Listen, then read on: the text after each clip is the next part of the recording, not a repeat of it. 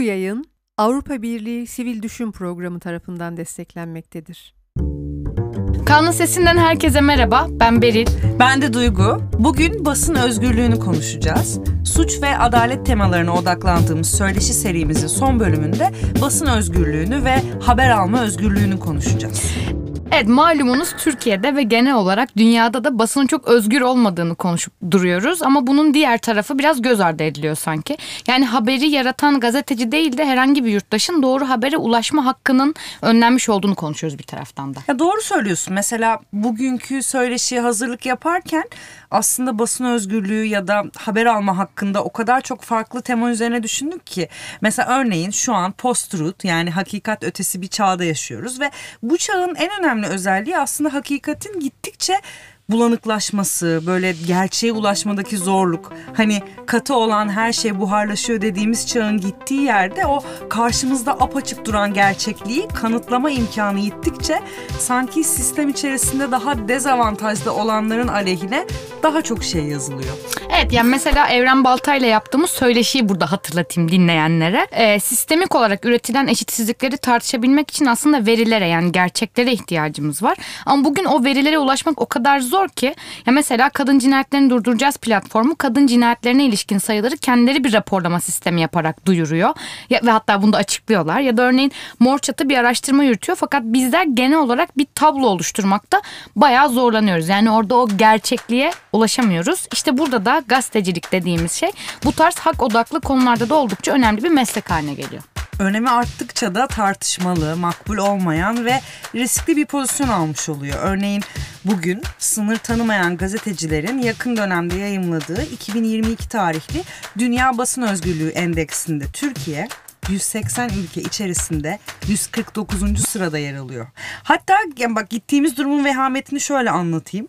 Bu raporda 2005 yılında 98. sıradaki Türkiye haberciliğe yönelik çok çeşitli ve yoğun baskılar nedeniyle 2010 yılında 138, 2015'te de 149 sıralarına gerilemiş.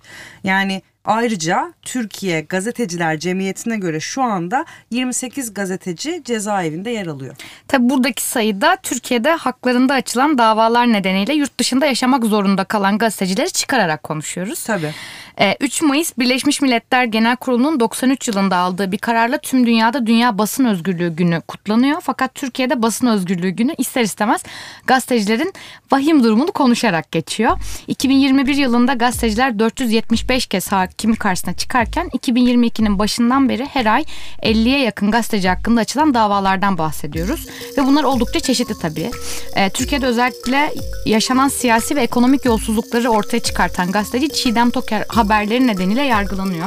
Ya da Cumhuriyet Gazetesi'nde yayımlanan Boğaz'da Kaçak Var başlıklı haber nedeniyle gazeteci Hazal Ocak terörle mücadelede görev almış kişileri hedef göstermek ve özel hayatın gizliliğini ihlal iddialarıyla yargılanıyor.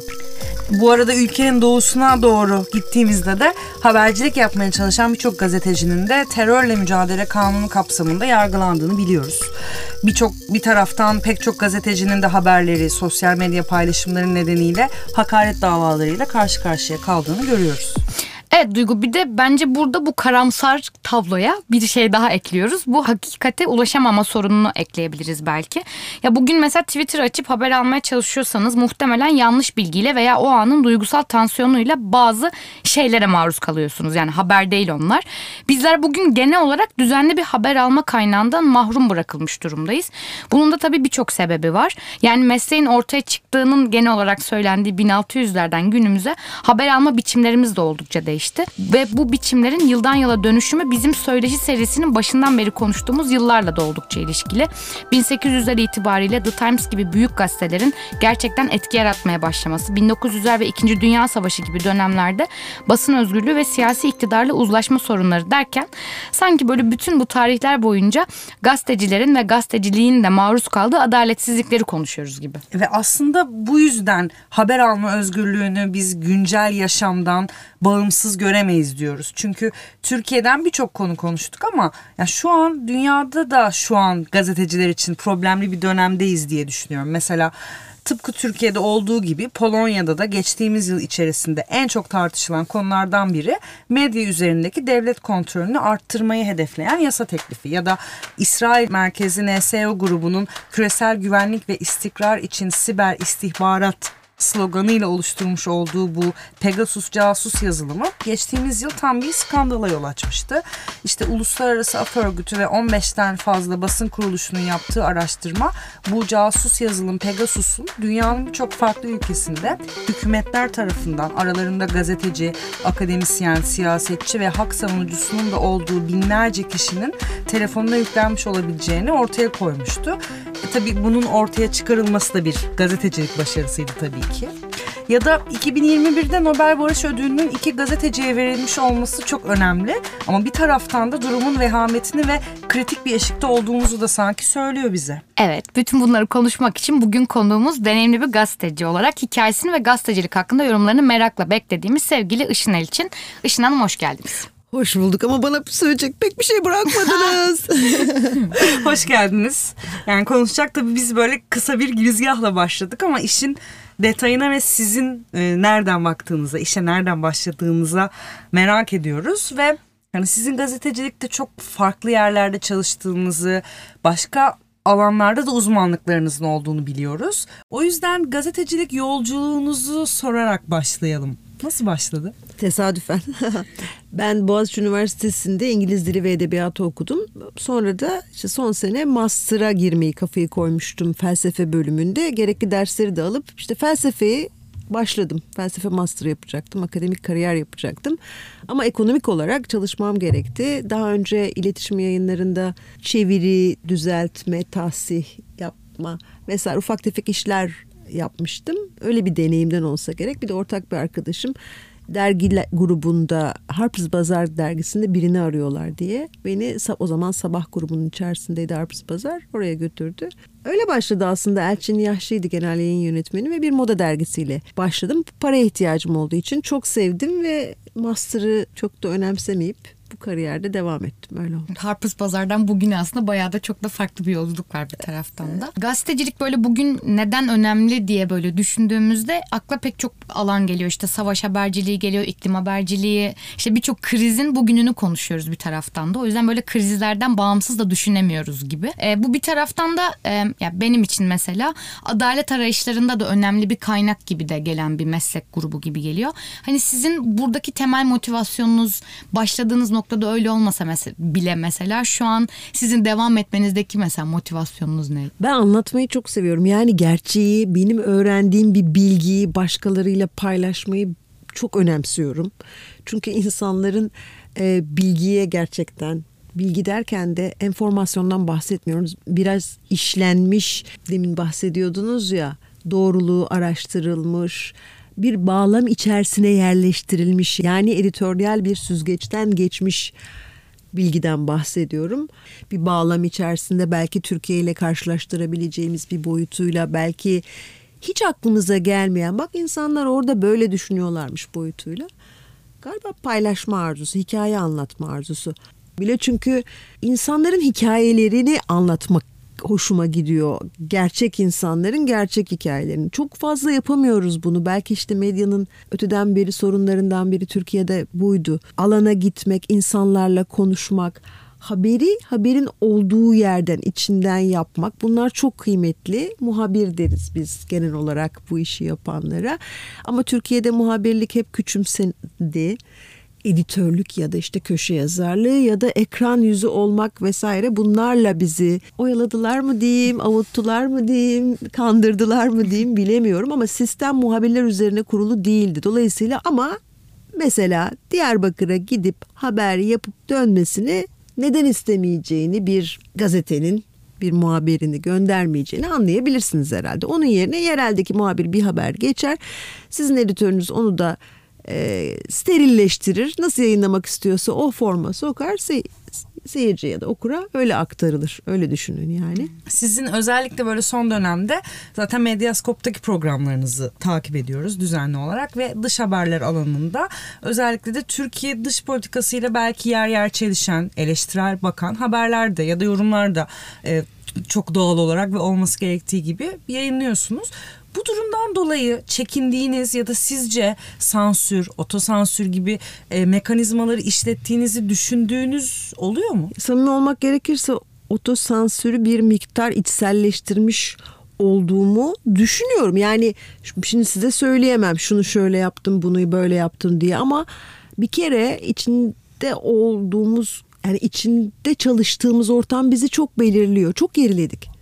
Yani bazı temel şeyleri ya eskiden ne bileyim 90'lı yılların sonunda 2000'lerin başındaydı herhalde değil mi? Polisin bir zanlıya hakaret etmesi işkence midir değil midir diye tartışıyorduk. Şimdi ya onları çok unuttuk. Dayağın normalleşti, şiddetin epey bir bölümü normalleşti de ay o şiddeti hak ediyor muydu, hak etmiyor muydu gibi. Hani suçlu mu, e, zanlı mı oradan bakarak falan tartışıyoruz. Çok büyük gerileme var. Yani o yüzden bizim de ona mutlaka katkımız olmuştur. Her ne kadar ana akımda işte devletin kontrol ettiği ya da iktidarın kontrol ettiği medyada çalışmıyor olsak da bir kere çok belirliyor. Ya şimdi demin bahsettiniz aslında bazı verilere erişilemediği için ya da oturduğumuz yerden e, analiz yapmak zorunda kaldığımız için başkalarının yorumlarından yararlanmaya çalışıyoruz. Bu daha dürüst, daha iyi bir şey. Yani bir uzmanı uzmanlığıyla konuşturuyorsun okey. Ama bazen bizim yorum yapmamız gerekiyor. Doğru dürüst arka plan bilgisi yok. Eski bilgilerimizle belki belki e, o zaman yorum yapmaya başlıyorsunuz. Yorum yapınca da sınırı ayarlamak güç olabiliyor ve bazen aktivizme geçmiş oluyor. Muhalefet etmiş olmak için muhalefet ederken örneğin hak temelli davranıyor musunuz, davranmıyor musunuz? Şimdi aslında şimdi aklıma gelen mültecilerle, e, Suriyelilerle ilgili tartışmalarda bakıyorum. Bazı muhalif insanlar daha dikkatli olur zannediyorum. Yani hak temelli bu sorunun bir sorun varsa ifadesinde falan hiç öyle olmuyor.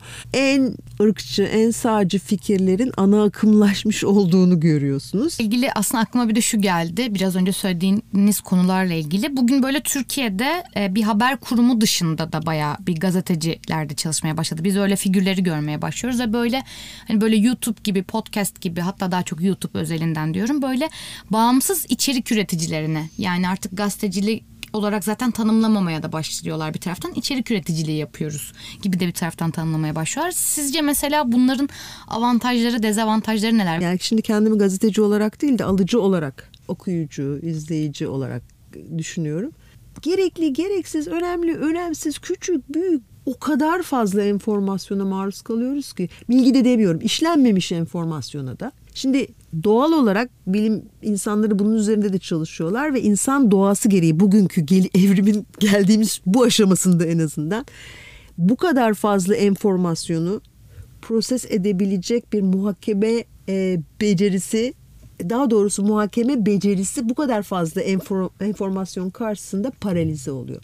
Bu bu durum insanları işte manipüle edilmeye açık hale getiriyor. Ya da savunma amacıyla o kadar fazla bilgi var ki bir yanlılık olarak açıklıyorlar. Bilimsel bir yanı da var. Siz giderek zaten sizde e, inandığınız ya da kanaat getirdiğiniz benzeri bilgilere doğru kendinizi yönlendirmeye başlıyorsunuz. Dolayısıyla Şimdi aklıma gelen bütün bu kakafoni içerisinde yani hakikaten yankı odalarında yaşıyor oluşumuz. Geçişsizlik ve birden fazla gerçeğin eş zamanlı olarak var olabilmesi gibi durumlar. E, bunu neden de söyledim? Mesela şimdi ne kadar iktidarınkiyle sizinki çelişiyor diyelim ki bir haberi anlatışınız ya da bir yaklaşımınız diyelim ki e, dış politikada. Şöyle yani benim izleyicilerim ben görüyorum Onların fikirleri değişmiyor. Neden izliyorlar onu da anlamıyorum. Sadece anlatabiliyor muyum? Halbuki ya da mesela kanaatlerini tekrar ediyorlar. Hayır öyle değil. Ukrayna Savaşı'nda bunu çok gördük. Yani işte bütün Ukraynalılar eşittir işte Naziler Nazidir. Nazilerden kurtarılma şey e, kurtarılmaları gerekir. Rusya kurtarıyor mesela. Bu Rusya'nın e, devletinin propagandası olan bir bilgi. Siz bunun farklı olduğunu bir uzman çıkarmışsınız. Ukrayna nüfusunu anlatıyor. Oradaki işte Nazilerle ilişkilendiren grupların siyasi, toplumsal karşılığını falan anlatan bir uzman var falan. Yok yani onu dinlemiyor muhtemelen yani. O altı ama o konuda konuştuğumuz için bildiği yorumu yazıyor. Bizi izleyenler Ah çok teşekkür ederiz. İşte iyi ki böyle bir şey söylediniz. İşte onlar da karşı tarafın saldırganlığını eleştiriyorlar. Bir türlü bir böyle bilgi paylaşımı geçiş olmuyor. Bu durum bence çok vahim. Mutlaka buna bir çare bir yandan da eş zamanlı olarak ürüyordur. Ama yani bu teknolojinin geldiği noktayla da hızıyla da ilgili biz gerçekten e, maruz kaldığımız bilgi ve enformasyon bombardımanı ile baş edebilecek e, donanıma sahip değiliz. Dolayısıyla bence yavaşlık iyi olacak da oraya nasıl geçeceğiz bilmiyorum. Evet daha yavaş gazetecilik değil mi? Öyle bir hani Evet. haber biçimi olarak da biraz daha böyle konuşulduğunu biliyorum. Ben mesela şey de merak ediyorum. Ya bir sürü gazeteci bir şekilde mesela işte Murat Yetkin, Nevşin Mengü vesaire böyle baya baya hani YouTube'da kurum dışı da çalışmaya bir taraftan başladılar. Mesela ona dair ya fikirleriniz neler? Şey için ne, Ben çok nasıl- tutucuyum onu söyleyeyim yani yanlış olduğunu düşünüyorum. Elbette çok haklı sebepleri var. Hatta geçtiğimiz günlerde Nevşin'in bu konuda sosyal medyada tartışılan bir reklamla ilgili Evet, bir evet. sorunu oldu. Onu hatırlıyorum. Şimdi detayını hatırlamasam da. Ee, ben Nevşin yani doğru olmadığını düşünüyorum. Yani çünkü ne tanıtıyorsanız o tanıttığınız şeyi yani siz bir kere bir erk sahibi oluyorsunuz istediğiniz kadar doğru olursa bilginin kaynağı olarak bu erki kullanarak başka bir alanda iş yapmış oluyorsunuz aslında. Yani bir bence suistimal oluyor yani böyle düşünüyorum ama arkadaşlar da hayatta kalmak için buna mecbur olduklarını söylüyorlar. Çünkü sorun işte biraz önce söylediğiniz şey. Biz artık haberci miyiz influencer mıyız yani Nevşin'in o kadar çok takipçisi var ki şimdi yani o bir influencer gibi de çalışıyor. Dolayısıyla reklam ona vermek istiyorlar. Gelip de medyaskopa vermek istemiyorlar yani. Eskiden böyle değildi. Yani bir haber kanalı da reklam alabilirdi. Belli kuralları da vardı. Ee, ne zaman ki haberler iktidarı çok rahatsız etmeye başladı ve giderek işte nasıl medya kurumlarının sahipliği değişmeye başladı. Aynı şekilde reklamlar da gelmemeye başladı. Reklam verenler endişe etmeye başladılar belli tip haberlere ya da haberleri hemen zaten olmuyordu da hani haber bültenlerinden sonra başka bir program yaparsınız vesaire. Bunlar birbiriyle çok e, ilgili ama bence yeni bir e, yolun başındayız. Bu şu anda bütün sınırlar gazetecilik, influencerlık, yorumculuk, aktivizm bunların hepsi birbirine geçmiş gibi gözüküyor. Umutlu olmak lazım. Kendi içerisinde e, gazeteciliğin belli temel yani hakikatle bir ilişkisi vardır. Hakikati kamu yararına her tür iktidarı aslında gözetlemek ve iktidarın kamu zararına olan, kamudan gizlemek istediği her şeyi de paylaşmaktır bence gazeteciliğin görevi. Bu kamu yararı ilkesini koruyan, e, bu gözetme, gözetleme aynı zamanda e, pozisyonunu koruyan e, bir şekilde bu meslekte icra edilecek. Bunun küçük formları var şu anda ama yani bu bir mücadele zaten. Bildiğimiz geleneksel formlar dağıldı şu anda. Biraz bir taraftan o geleneksel formlar dağıldı ama bir taraftan da dünyanın birçok yerinde örneğin işte kriz anlarında mesela gazetecilerin hedef gösterildiği birçok olay da bir taraftan görüyoruz. Mesela çok yakın tarihli Filistinli gazeteci Şirin Abu Akleh'in İsrail askerleri tarafından öldürülmesi son cenazesinde olanlar bir temsil gibiydi yani performans gibiydi. Bir taraftan da bir gazeteci olarak aslında sahadan gerçekleri aktaran kişi ve onun belki de Filistin mücadelesi özelinde ak- hmm, ne derler bir belki aktivizmin parçası da oluyor aslında onun yaptığı iş. Em, bu konuda siz ne düşünüyorsunuz? Yani bu tarz olaylarda gazetecilerin alması gereken pozisyon nasıldır, kriz anları gibi. Şimdi Şirin özelinde şunu söyleyebilirim. Bence aktivist bir gazeteci değildi. El Cezire için çalışıyordu. Ve e, tabii ki alandan haber yaptığı için, e, Filistinli'de olduğu için belki tırnak içinde aktivist görülmüş ya da gösterilmek istenmiş olabilir. Bence çok hani e, daha fazla aktivizm yapan Filistinli gazeteciler de var. Ayrıca göz ardı edilen çok sayıda öldürülen gazeteci de var. İsrail devleti e, bölgede hani bu gazetecileri pek gözetmek konusunda e, iyi bir sicili yok diyeyim. Yani korumak, kollamak anlamında söylüyorum. Ama bu olayın işte belirsiz kalması, uzaması, tavsaması bu bizi şaşırtmıyor. Rachel Corey gibi mesela şimdi aklıma geliyor bir aktivisti de pekala göz göre göre öldürmekten imtina etmeyen e, bir rejim biçiminden bahsediyoruz ve bunlar yanına da kalabiliyor.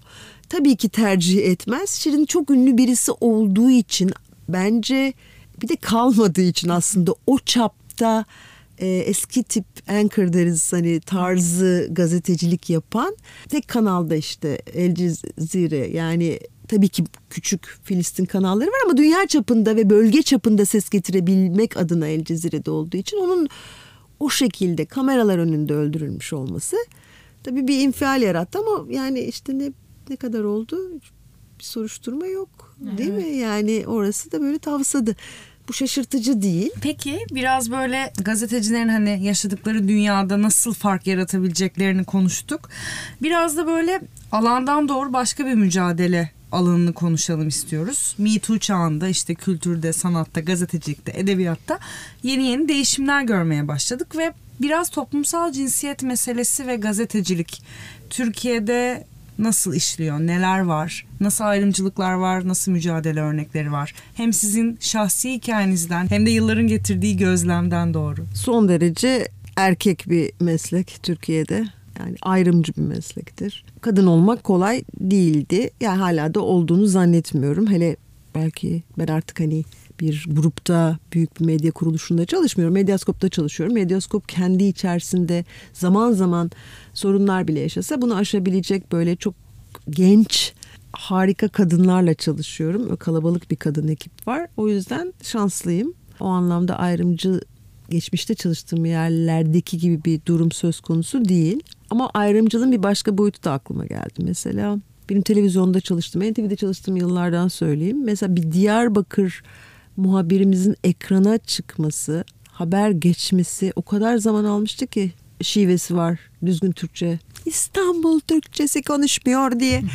Yani onu kırmıştık o dönemde çıkmaya başlamıştı. Ama ya böyle ayrımcılıklar da var. İşte estetik kaygılar çok yaygındır. Kadınlar için bu double'dır. Yani burada da bir seksizm acayip vardır. E, ageism var. Yaşlı iseniz belli bir yaştan sonra yine ekran. Kadınlar için tabii bunlar. Bu erkekler için değil yani. Bir takım adamlar biliyorsunuz. E, seyircilerimiz daha iyi bilir televizyon seyrediyorlarsa. Ben de seyretmiyorum. Siz de seyretmeyin diyesim geldi. Çok sorunlu bir mecra neyi doğru gideyim şimdi neresini anlatacağım bilemedim. Ama mesela bu ayrımcılığın biz biraz podcast alanına girince e, radyodan da gelen bir ayrımcılık olduğunu okumuştuk. Mesela erkek sesi daha güvenilir daha işte doğru bilgiyi veren bir ses gibi algılanırken işte kadın sesi ya da yeterince eril yani nasıl yeterince kalın ya da yeterince erkek olmayan ses e, daha az dinlenir, daha az güvenilir gelirmiş ve bazı programları özellikle erkek sunucuların radyoda bile sunduğu söylenirmiş. Eskiden televizyonlarda mesela tabii ki inandırıcı, otoriter görünen kadın ve erkekler neyse ve ses tonları olmalı ki o haberlerin işte yukarıdan böyle size doğruları söylüyoruz bize inanın falan diye.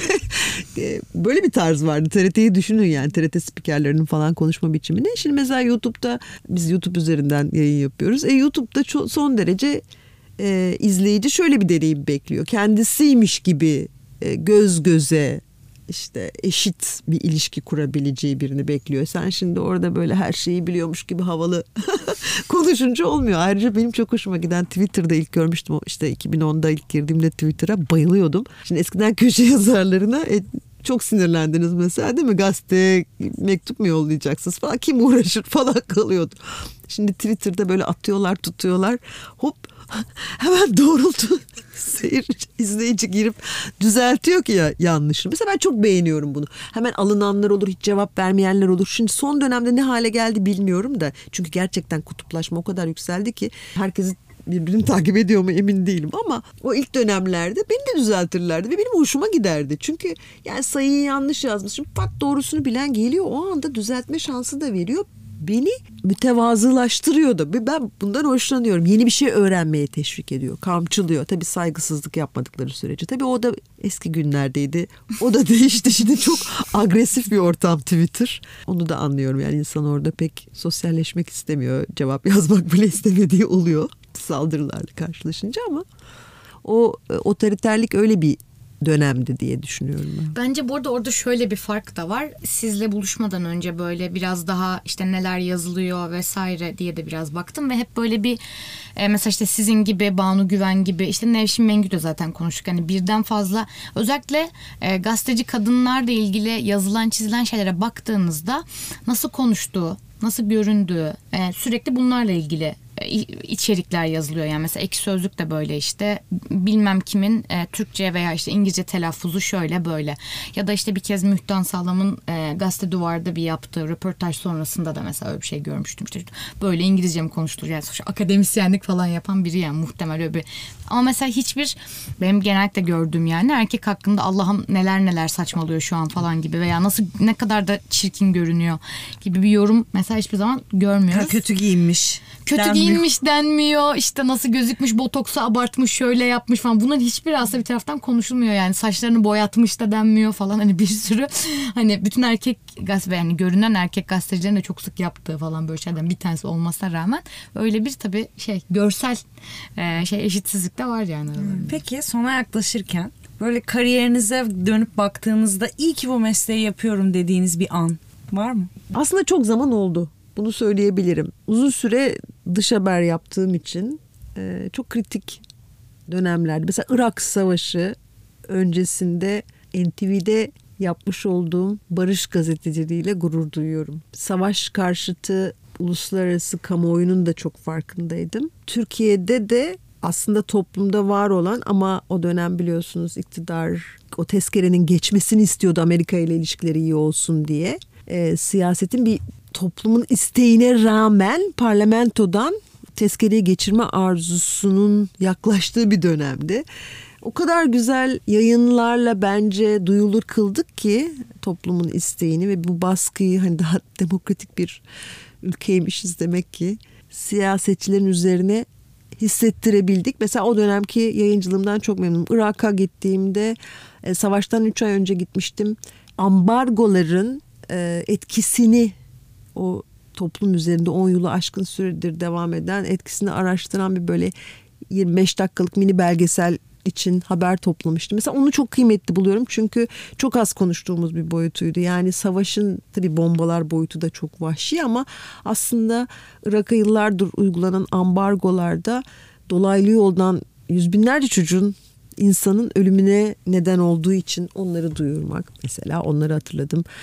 Gazze Savaşı'nın sırasında pek çok Gazze'li e, insanla en azından telefon bağlantısı yapabiliyorduk. Yani o o dönem bir savaş durumunda, acil bir durumdaki uluslararası anlamda söylüyorum. Reflekslerimden ve haberciliğimden çok memnunum ama giderek tabii bunları yapabilme olanaklarımız elimizden alındı. Gezi döneminde biliyorsunuz zaten ben de ana akımdaki yerimi kaybedenlerden biriyim. Bununla da gurur duyuyorum. yani mesela tersten bakarsak. E, İMC televizyonunda çalıştım. Sonradan kapatıldı. Ben e, onun kapatılmasından önce Londra'ya gitmiştim ama e, mesela o dönemdeki e, çok zor koşullarda habercilikten memnunum. Onun parçası olmaktan memnunum. Yani, yani tabii ki galiba bütün bu mücadelenin içinde e, gazetecilik gerçeklere erişim ve onu kamu yararına işte toplumla paylaşma mücadelesinin bir parçası olmaktan mutluyum her şeye rağmen. Tabii ki de bir sürü Türkiye'deki ve dünyadaki gelişmelerden bağımsız düşünemiyoruz gazeteciliğin durumunu ama e, geleceğe dair ne düşünüyorsunuz? Nasıl görüyorsunuz? Nasıl bir değişim bekliyorsunuz? Yani hayat bir mücadele.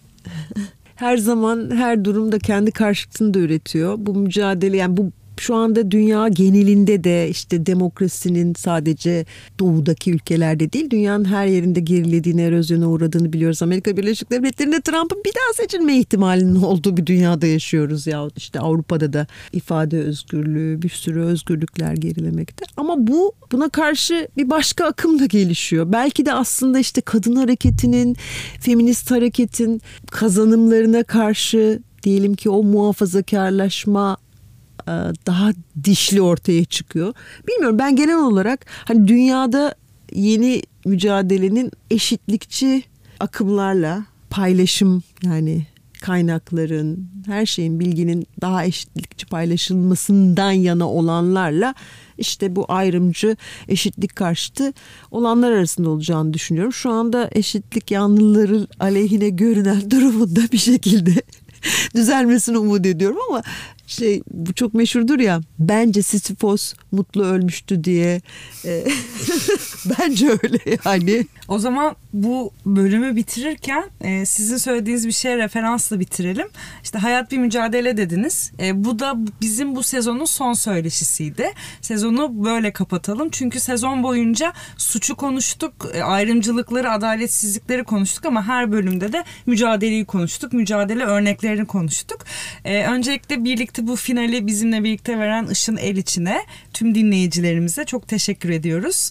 E, bu sezonluk bizden bu kadar. Yaza girerken bir ara vereceğiz. Evet bir ara vereceğiz. Sonra ardından da bir asa polisiye seriyle tekrar e, dinleyicilerle buluşacağız. E, çok teşekkür ederiz. Ben teşekkür ederim. Mücadeleye devam o zaman. evet mücadeleye devam. Diyerek o zaman sezonu kapatıyoruz. Kaan'ın sesini Spotify'da, Apple iTunes'ta veya tercih ettiğiniz herhangi bir platformdan Kaan'ın Sesi web sitesinden dinleyebilirsiniz. Bölümlerimizi dinleyin, paylaşın, önerin. Çok teşekkürler. Görüşmek üzere. Hoşçakalın. Sonbaharda görüşmek üzere. Kaan'ın Sesi